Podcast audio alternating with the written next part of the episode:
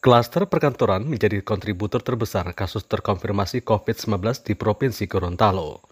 Dr. Trianto S. Pialangi, juru bicara gugus tugas percepatan penanganan COVID-19 Provinsi Gorontalo menerangkan, secara kumulatif pada 25 Agustus 2020, kasus terkonfirmasi COVID-19 di provinsi itu berjumlah 1.970.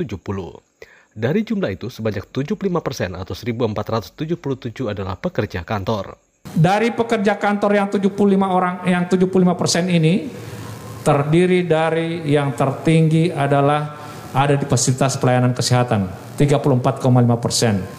Ada di kantor pemerintahan daerah 26,4 persen, 26. Ungkap Trianto dalam dialog bertema waspada penularan COVID-19 klaster perkantoran pada Jumat 28 Agustus. Trianto menambahkan urutan ketiga di klaster perkantoran adalah kepolisian yaitu sebanyak 18,2 persen.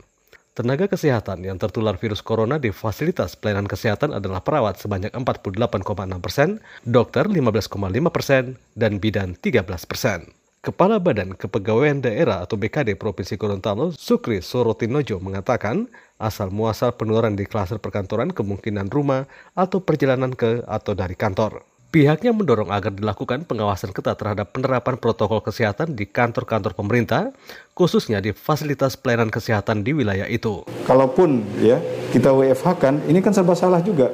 Layanan kesehatan kalau kita WFH kan apa yang terjadi? Tidak ada pelayanan. Sehingga kita akan lihat kaji apakah penerapan protokol kesehatan misalnya di tempat layanan kesehatan di perkan puskes, rumah sakit itu benar-benar diterapkan atau tidak. Ya karena memang jumlahnya paling tinggi di situ. Pihaknya juga akan mengkaji apakah perlu memperlakukan kembali kebijakan bekerja dari rumah untuk satuan kerja perangkat daerah tertentu untuk mencegah penularan virus corona di perkantoran.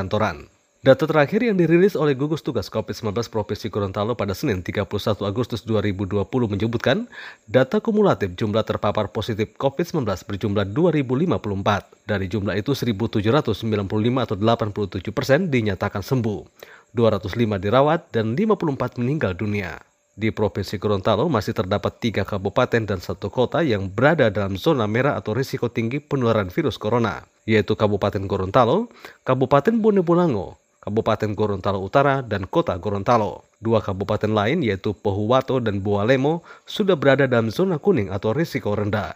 Dari Palu, Sulawesi Tengah, Yohanes Lita melaporkan untuk VOA, Washington.